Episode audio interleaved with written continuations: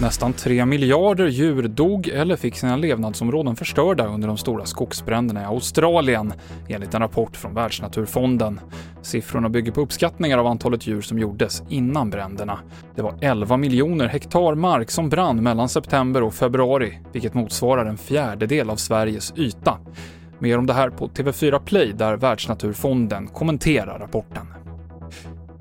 Det är många oroliga föräldrar som tror att deras barn fått i sig handsprit under coronautbrottet.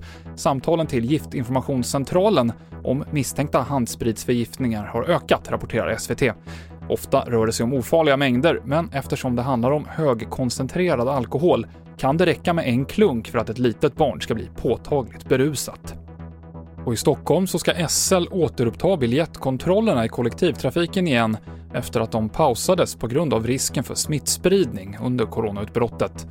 Enligt SL så har tjuvåkandet ökat rejält sedan dess. TV4-nyheterna med Mikael Klintevall.